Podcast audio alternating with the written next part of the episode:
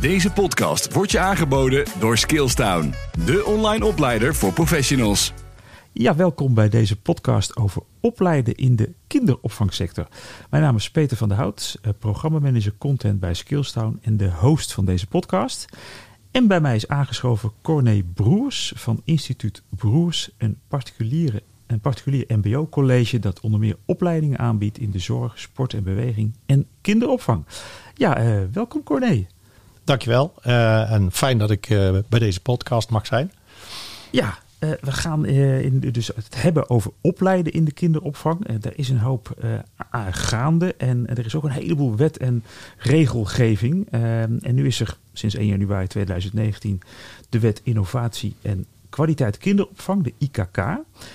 Uh, ja, uh, Corné, kun je heel kort, we hoeven niet de hele wet te spellen, uitleggen wat zo'n beetje de belangrijkste uh, wettelijke bepalingen daarin zijn? En dan eigenlijk misschien focus op waar, waar, staan we eigenlijk nu en waar ligt de komende tijd in de kinderopvang de focus op? Nou, de wet Innovatie en Kwaliteit voor Kinderopvang stelt de ontwikkeling van het kind centraal. En dat betekent eigenlijk dat we steeds maar weer gewijzigde kwaliteitseisen krijgen uh, op uh, vooral het stimuleren van de ontwikkeling van het kind. Maar ook op het signaleren en bijsturen uh, daar waar het voor die ontwikkeling van het kind niet optimaal is. En wat doet die wet IKK nou? Die is in, in werking getreden om met name vier thema's zeg maar te behandelen. En die thema's dat zijn één, de verantwoorde opvang. Twee, het mentorschap. Drie, het pedagogisch beleidsplan. En uiteindelijk ook nog vier, de overdracht naar de basisschool. Uh, daarin is nogal wat bepaald. En uh, wellicht is het leuk om daar even met elkaar inhoudelijk wat naar te kijken. Uh, met name rondom die eh, verantwoorde opvang mm -hmm. liggen een aantal pedagogische doelen centraal. Ja, ja. En die vier pedagogische doelen hebben vooral te maken zeg maar, met de omgeving van het kind en het bieden van emotionele veiligheid. daarnaast ook het bevorderen van de persoonlijke competenties het bevorderen van de sociale competenties. Want ja. kinderen zijn net zoals wij sociale dieren.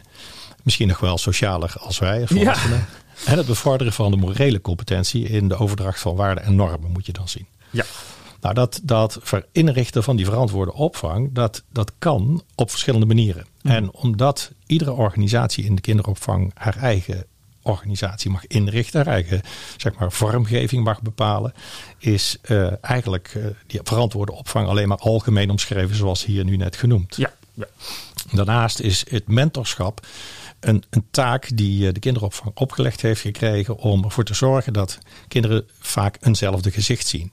Maar niet alleen die kinderen zien steeds hetzelfde gezicht. Er is een mentor die als aanspreekpunt geldt ook voor ouders en voor uh, verzorgers van die kinderen.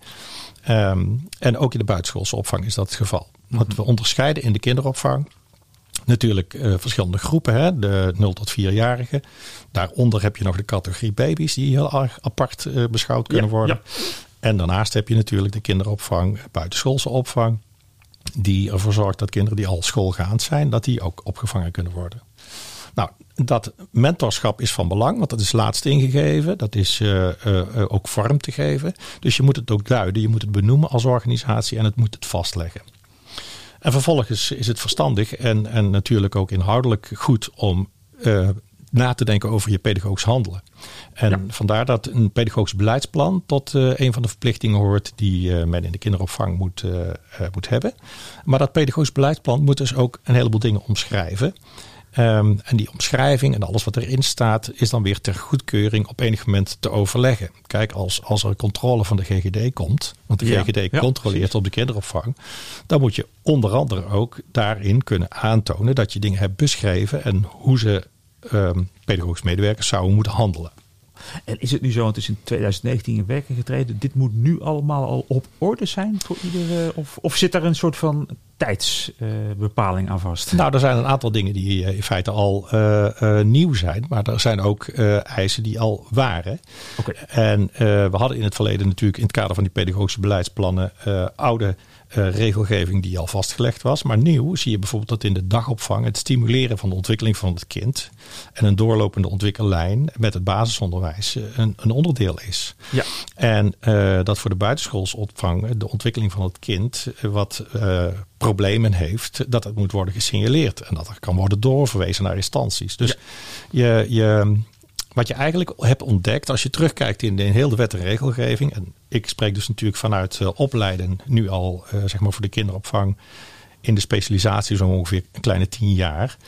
Dat je die afgelopen tien jaar steeds meer veranderende en verbeterde kwaliteitseisen ziet voor medewerkers en organisaties in ja. de kinderopvang.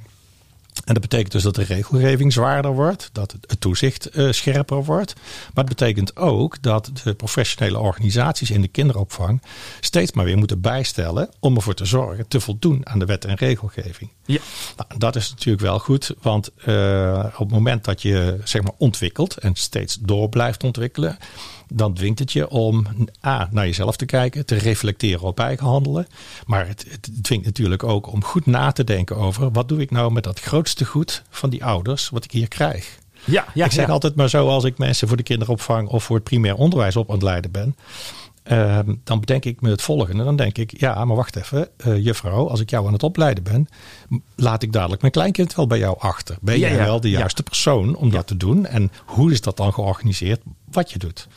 Nou ja, en daar is dus uh, zo'n pedagogisch beleidsplan een mooie onderligger voor. Ja. En wat je dus ook ziet, is dat, dat heel vaak organisaties in de kinderopvang, met wie je op maat opleidingen kunt verzorgen, tegen ons zeggen als Broers MBO College, uh, implementeer dat pedagogisch beleidsplan in de opleiding. Zodat wanneer mensen uh, opgeleid worden, dat die dan ook meteen kennis hebben genomen van wie we zijn, wat we doen, hoe we het doen, wat onze procedures zijn, welke ja. regelgeving eronder ligt. Oké, okay, heel helder. Ja.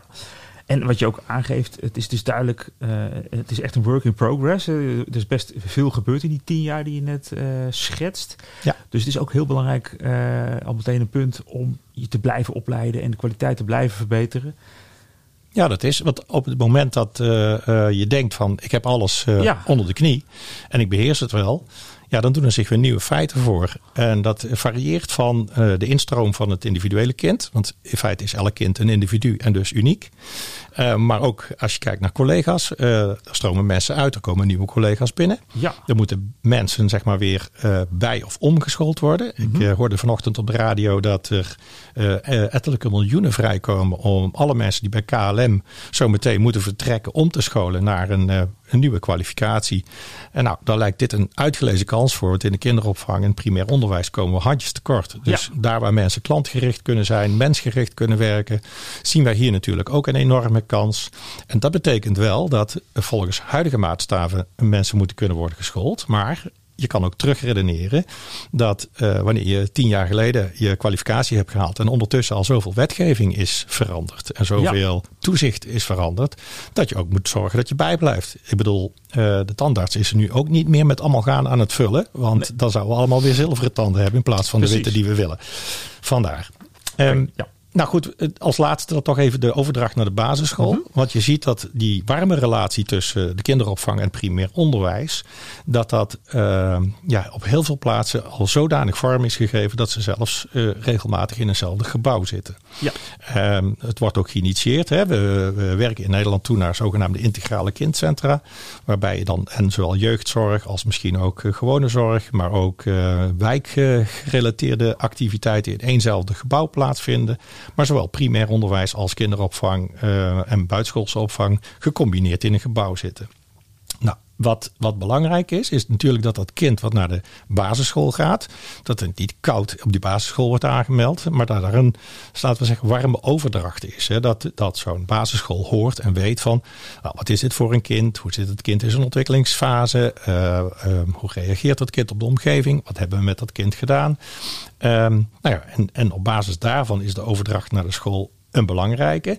En het leuke is dat je op verschillende mogelijkheden, of verschillende manieren zou ik eigenlijk zeggen, uh, informatie kunt halen over hoe zit zo'n overdracht in elkaar. Op mm -hmm. rijksoverheid.nl tref je een infographic die zichtbaar maakt, ook voor professionals, hoe en op welke wijze dat je de goede overdracht van kinderen van een kinderdagverblijf naar de basisschool uh, kunt doen en naar de BSO of de basisschool kunt doen. Want uiteindelijk gebeuren er overdag dingen met die kinderen. Ja. En uh, het kan best zijn dat er een trieste gebeurtenis is of een hele blijde gebeurtenis is. En op basis daarvan een kind een bepaald gedrag vertoont. Um, het kan ook zijn dat een kind uh, te maken krijgt met pestgedrag als het op ja, de basisschool ja, ja. zit. En vervolgens naar de kinderopvang gaat. En dan net met dat kind wat een pest natuurlijk in een groepje zit. Ja. Nou goed, elke vorm van overdracht, ik noem maar zo'n voorbeeldje, en het uh, zijn maar heel eenvoudige voorbeelden, zijn wel van belang. En of dat er nou zeg maar is omdat het kind daar wordt afgeleverd, dat is een groot woord, hè, dat je klaar bent met kinderopvang van 0 tot 4 jaar en dan naar groep 1 gaat. Of dat het kind al op de basisschool zit en vervolgens naar de buitenschoolse opvang gaat. Ja, er is altijd een vorm van overdracht. Dat geldt ook voor het ophalen en brengen. Hè? Dus als ouders een kind komen, komen brengen naar de kinderopvang. Het is natuurlijk ontzettend leuk als je als medewerker in de kinderopvang iets kunt vertellen aan een vader of een moeder of een tante of een oom die het kind mag komen ophalen. Uh, wat er die dag is gebeurd, hoe het kind heeft gereageerd, hoe goed is dat gegaan. Uh, wat, wat je gedaan hebt die dag. Zodat ze kunnen anticiperen op uh, het leven overdag van dat kind terwijl je zelf bent wezen werken. Ja, belangrijk punt. Ja. Uh, je noemde net ook al even uh, dat de GGD, de kinderopvangorganisaties, ook controleert op de wettelijke kwaliteitseisen. Ja. Dat is ook het geval bijvoorbeeld voor de inzet van, van BBL-studenten op, op vroeg- en voorschoolse educatielocaties. Um, even daarop inzoomend, wanneer mag er nou zo'n BBL-student wel of juist niet ingezet worden op die locaties? Nou, dat is een goede vraag. Uh, ik ga meteen even laten horen dat ik echt een leerkracht ben. Want BBL betekent beroepsbegeleidende leerweg. Mm -hmm. En dat betekent dus leren en werken tegelijk. Um, nou, de GGD heeft uh, een uh, toezichthoudende rol, zoals we met elkaar al hebben besproken. En die toezichthoudende rol die richt er zich vooral op om te kijken, uh, wordt iemand die in een leerwerktraject zit, op een verantwoorde wijze zeg maar in contact gebracht met die kinderen. En of dat dan je inzet die daar wordt gedaan, intallig of boventallig is. Daarmee bedoelen we, als iemand boventallig wordt ingezet, dat de standaard medewerkers die op de groep staan, salaris krijgen en op die groep staan. En in feite daarmee die groep kunnen draaien. Ja. En als je dan boventallig bent, dan krijg je als BBL wel je salaris voor die uren die je boventallig op die groep staat. Maar uh, ja, dan is het dus duur voor de kinderopvang. Ja. Uh, boventallige student mag altijd worden ingezet. Dus dat betekent dat uh, ongeacht in welke fase van een opleiding iemand zit, die kan altijd bij een groep meedraaien maar als het intallig moet zijn, en dat hebben natuurlijk de werkgevers het liefste, dat een student eigenlijk al ingezet kan worden als beginnend professional, dan is daar uh, uh, wel officieel een aantal uh, zeg maar eisen voor neergelegd. Een van die eisen is dat die intalligheid pas tot stand kan komen als de werkgever samen met de opleider officieel heeft vastgelegd op welke onderdelen dat zo'n student competent is. Nou, Broers MBO College heeft uh, een leerlijn ontwikkeld. Waarbij je in feite al na 10 weken 45% formatief inzetbaar bent. En na okay. 20 weken 60%. Eigenlijk ben je na een jaar 100% inzetbaar.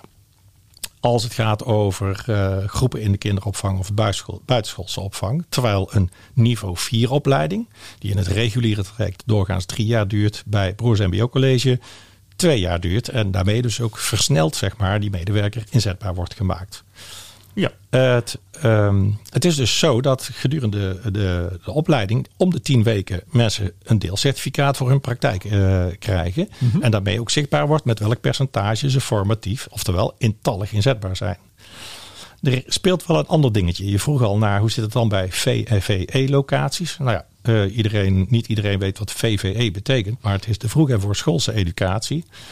En dat betekent dus in feite dat in de kinderopvang, daar waar kinderen bijvoorbeeld een ontwikkelingsachterstand of uh, uh, iets laten zien wat uh, niet zeg maar standaard is. Ja. Dat kan op het gebied van taalvaardigheid zijn, op spreekvaardigheid, maar ook motorisch zijn.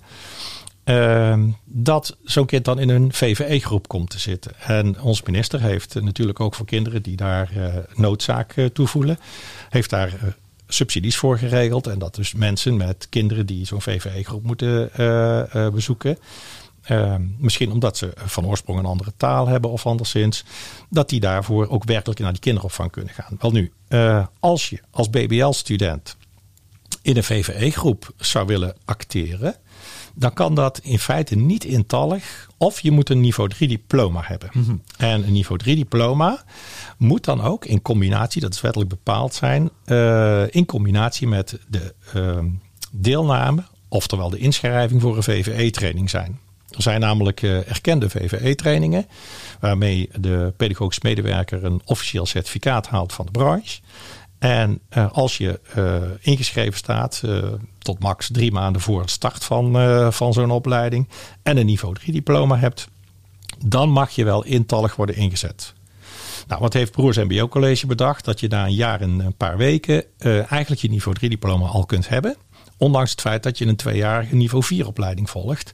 En daarmee dus al vroeg tijdig kunt worden ingezet, intallig in de kinderopvang.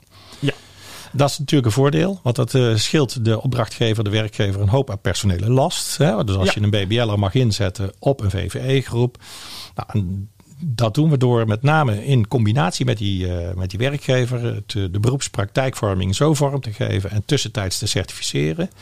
Dat uh, met datgene wat we daarop vastleggen, dat ook bij een GGD-controle wordt geaccordeerd. Ja, precies. Wat je al in het begin ook aangeeft. Erg belangrijk dat, dat, je, dat die afspraken met die werkgever, dus per, per, werkgever eigenlijk goed worden vastgelegd. Van of, over welke kwalificaties hebben we het dan precies? Ja, precies. Ja. ja, je zal uh, kijken naar, uh, naar de werkgever, ja. een leerlijn inrichten. En wat wij hebben gedaan, dat is natuurlijk ervoor gezorgd dat met name bij de start van zo'n opleiding heel erg de basis van de verzorgende taken voorop gaat. Ja. Om ervoor te zorgen dat daar alvast de juiste handelingsbekwaamheid zit. En als gevolg daarvan uh, mensen daarna de vervolgstappen zeg maar, in hun opleiding krijgen. Dus het is van belang als je een leerlijn ontwikkelt, dat je heel goed luistert naar je werkgever, naar de opdrachtgever. Want die geeft wellicht aan in welke volgorde leerstof het beste past bij zeg maar, het um, leren werken in de beroepspraktijk van dat bedrijf. Ja. En als je die volgorde in je leerlijn bepaalt, dan betekent dus dat je op maat de opleiding verzorgt. Dan kun je naar de inhoudelijkheid nog het pedagogisch beleidsplan van die werkgever mhm. implementeren in de opleiding. En vervolgens kies je samen met die werkgever en de studenten naar keuzemodule. En als een student dan de passende keuzemodule neemt, omdat hij wellicht later graag op een BSO werkt of veel meer zeg maar, georiënteerd is op uh, baby's, dan kan je daar zeg maar, uh, sneller of later in een opleiding, afhankelijk van wat de vraag is, op acteren. Ja. Ja, dan zijn we al best wel heel erg ingezoomd op, op inderdaad op opleiding zelf. Om ook weer een beetje uit te zoomen en uh, even een gevoel te krijgen van wat er eigenlijk allemaal mogelijk is aan, aan, aan BBL-opleidingen voor, uh, voor medewerkers in een integraal kindcentrum. Uh, kan je dat een beetje schetsen welke ja, specialisaties en combinaties zijn er ruwweg mogelijk? De verschillende niveaus? Nou, dat, dat, dat zal ik proberen. In ieder geval is het zo dat het goed is om te weten dat natuurlijk in een integraal kindcentrum daar werken zowel mensen op MBO als op HBO-niveau. Ja. Mijn specialisatie zit meer op het MBO-niveau. En dan uh, moet je denken dat als je voor een integraal kindcentrum opleidt, dat het uh, of een pedagogisch medewerker niveau 3 is. En dat is het uh, laagste niveau om in de kinderopvang te mogen werken. Mm -hmm. Of gespecialiseerd pedagogisch medewerker niveau 4. En een gespecialiseerd pedagogisch medewerker niveau 4 heeft doorgaans ook, laten we zeggen, wat meer leidinggevende kwaliteiten en capaciteiten en kan wat meer overzien. Ik duid het maar even zo. Maar je ziet ook heel vaak dat uh, werkgevers in combinatie met uh, uh, gespecialiseerd pedagogisch medewerker niveau 4 ervoor kiezen om een kandidaat ook op te leiden voor onderwijsassistent. Dat kan mm, okay. bij Broers MBO College in twee jaar. omdat je dan in het tweede leerjaar je specialisatie pedagogisch medewerker niveau 4 doet, plus onderwijsassistent.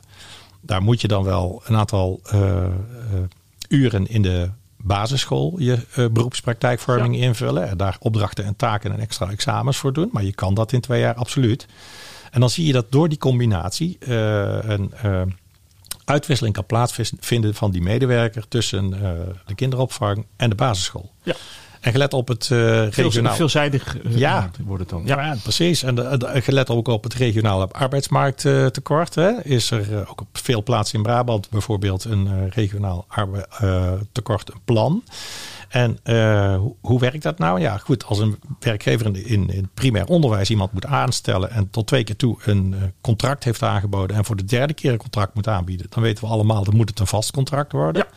Terwijl als je nou een goede pedagogisch medewerker in de kinderopvang hebt werken, die ook het diploma onderwijsassistent heeft gehaald, dan kan je die tijdloos uh, detacheren naar het primair mm. onderwijs. En vooral als je in een integraal kindcentra uh, werkt, kindcentrum werkt, dan, dan lukt dat. Maar er is ook een combinatiemogelijkheid met sport en bewegen. Bijvoorbeeld de bewegingsagoog. Of de combinatie met verzorgende IG. En je kan dus bedenken dat er veel combinatieberoepsprofielen zijn. Uh, waarmee je in feite ehm, afhankelijk van de vraag meer kunt. Iemand die sport en bewegen heeft gedaan, die kan ook op een sport-BSO heel veel vooruit. Iemand die veel meer, zeg maar, als onderwijsassistent uh, zich uh, richt op uh, natuur. Ja, er zijn hele kinderopvangorganisaties die zich volledig op de natuur hebben gericht. Hè? De, ja. Ik ken er zelfs eentje die noemt zichzelf Natuureluur. Omdat ja. daar kinderen heel veel naar buiten gaan. Ja. Nou, om, om dat dan als combinatieopleidingen zeg maar neer te leggen, is dat zichtbaar.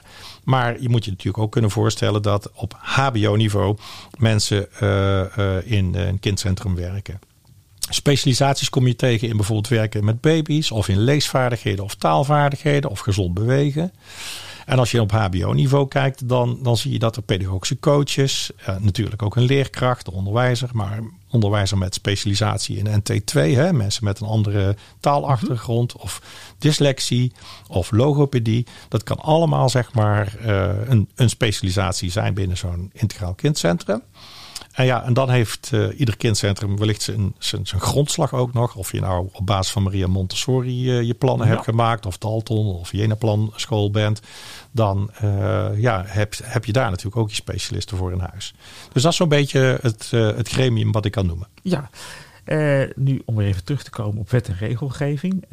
een van de dingen die, die ik ook hoor uit, uit de kinderopvangsector is dat op, ja, op 1 januari 2025, lijkt nog een eindje weg, maar goed moeten alle pedagogische medewerkers voldoen aan een hogere taaleis. Minimaal uh, niveau 3F of B2 voor, mondelinge taalvaardigheid. Um, speelt dus ook binnen de kinderopvang. Hoe, hoe, kunnen kinderopvangorganisaties hieraan voldoen en ja, welke rol speelt opleidingen daarbij? Er ligt een uh, grote rol voor onderwijsland uh, als het gaat om certificeren sowieso al. Maar aan de andere kant is het ook zo dat ehm, het goed is om even toe te lichten dat er zeg maar, twee uh, wet- en regelgeving uh, soorten op, uh, op los te laten zijn. Mm -hmm. om te beginnen is het zo dat het middelbaar beroepsonderwijs valt onder de wet educatie en beroepsonderwijs. En de wet educatie en beroepsonderwijs kent voor met name Nederlands, voor talen om het zo maar eens te zeggen, Nederlands en Engels, ehm, een, een taaleis. Die wijkt af, en dat is heel vreemd, van de wet op de kinderopvang. Okay. De taaleis in de wet op de kinderopvang is dat je om uh, in de kinderopvang te mogen werken. En dan heb ik het even niet over de VVE-locatie. Dat je daar spreken, gesprekken voeren en kijken en luisteren voor een voldoende moet hebben gescoord op 3F-niveau. Ja. Um, maar de wet educatie en beroepsonderwijs zegt. Je mag voor een MBO-diploma niveau 4 gerust een 5 voor Nederlands hebben gehaald.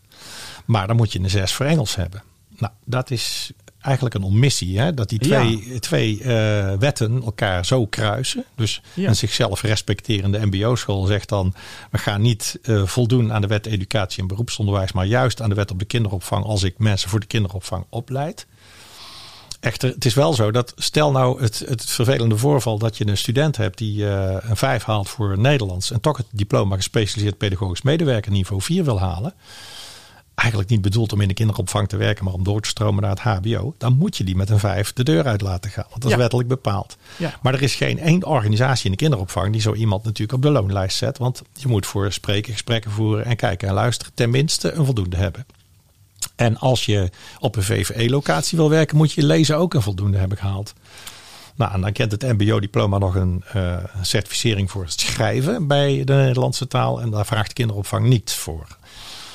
Dus um, wat we doen... een soort van leemte daar. Ja, ja, ja, je, ja. Moet, je moet dat oplossen voor de werkgever in de kinderopvang. Dat is één als opleider. Daar heb je een uh, morele plicht. Uh, aan de andere kant heb je een wettelijke plicht... Uh, omdat je anders mensen onvoldoende gekwalificeerd de arbeidsmarkt in, instuurt. En dat certificeren kan op verschillende manieren. Er zijn in Nederland een aantal, ik noem het even bureaus die door de GGD en de, de kinderopvang worden uh, gezien als geldig als je daar een certificaat haalt. Mm -hmm. Een van die bureaus is uh, de Universiteit van Amsterdam. Die kan je een assessment afnemen voor de Nederlandse taal. En dan krijg je een heel mooi certificaat. En dan mag je dus met dat certificaat in de kinderopvang werken. Zo is er nog een collega uh, uit de branche Mr. Dutch. Waar je dan, typisch hè, dat als je een Nederlands certificaat afgeeft, dat je dat in het Engels moet noemen. Maar goed, waar, daar kun je een, een certificaat halen. En daar mag je dan mee in de kinderopvang werken. Ja. Dat is eigenlijk iets waar ik tegenaan ben gelopen in de praktijk. Waarvan ik zeg, ja, er komen dan organisaties eh, bij Broers MBO College aan. En die zeggen, wij moeten ook 3F certificeren. Want die taallijst zit eraan te komen. Hè. De, de, de, snelheid in, in de jaren uh, haalt ons dadelijk in. Alhoewel, het is nu opgeschoven naar 2025. Want het was eigenlijk al bedoeld om eerder gecertificeerd te kunnen zijn. Het punt is wel dat op het moment dat je mensen uh, wil certificeren, dat ik dat liever doe met een MBO-certificaat. Want op het moment dat je iemand voor lezen, uh, kijken, luisteren, gesprekken voeren en spreken een officieel uh, MBO-certificaat kunt uitreiken, -hmm. omdat je als Rijkserkende MBO-school dat mag op basis van de schoolonderzoeken die je afneemt. Uh, dan hebben ze wel een document wat ze kunnen gebruiken als, laten we zeggen, vrijstellingsdocument op het moment dat je uh, bij een andere MBO-school of bij Broers MBO-college bijvoorbeeld een BBL-opleiding gaat volgen. Anders gezegd, als je een officieel MBO-certificaat haalt, dan staat daar een punt, een gehaalde score op. En die score die duidt eigenlijk het, uh, uh, hetgene wat iemand gehaald heeft. Terwijl als jij een niveau-certificaat haalt bij een organisatie, niet zijnde een MBO-school.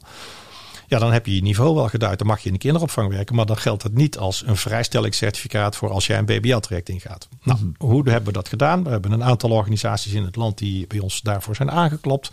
En hebben gezegd van ja, hoe kunnen we nou snel mensen waarvan we eigenlijk al denken dat die uh, wel voldoen, certificeren. Nou, dat kan je doen door ze bijvoorbeeld online oefenmateriaal aan te bieden. Nou, daar is bijvoorbeeld de site van Skillstown ook een heel geschikt uh, uh, instrument voor. Ja. Uh, daar kan je mensen laten voorbereiden op elk onderdeel wat je bij de Nederlandse taal wilt toetsen. En vervolgens ga je ze dan ook examineren. En dan ga je dat wel doen conform de wet en regelgeving voor het MBO. Ja. En dat betekent ook dat je fysiek mondelinge examens afneemt met twee uh, examinatoren erbij. Mm -hmm. Want anders dan uh, is het niet legitiem. En dat je daarmee dan ook officieel uh, kunt certificeren. En die certificaten zijn weer inwisselbaar op het moment dat jij zegt ik ga een BBL-traject volgen. Maar je moet ook bedenken dat als een werkgever tegen je zegt van uh, ik heb een aantal mensen en die willen van niveau 3 naar niveau 4 opscholen. Mm -hmm. Dat je die een korter traject MBO niveau 4 kunt aanbieden dan wanneer iemand van 0 af aan naar niveau 4 gaat. En dat je daarmee impliciet meteen kunt zeggen: ja, maar ze gaan nou de Nederlandse taal erbij doen. Dus dat zit in het vakkenpakket verplicht. Dus daarmee ga je die mensen dan ook onmiddellijk kwalificeren. Ja. Het voordeel daarvan is dat de werkgever de subsidiestichting praktijkleren krijgt vanuit de overheid. En dat in feite dan de training voor uh, Nederlands 3F, ja, je zou bijna kunnen zeggen, kosteloos in de opleiding zit. Ja, oké. Okay. Hele mooie, mooie oplossing. Uh, je hebt al heel veel genoemd ook over uh, allerlei uh, manieren om mensen inderdaad bij te scholen, om te scholen, zorgen dat ze op niveau komen. Um, zijn er nou nog andere dingen die nog niet zijn genoemd?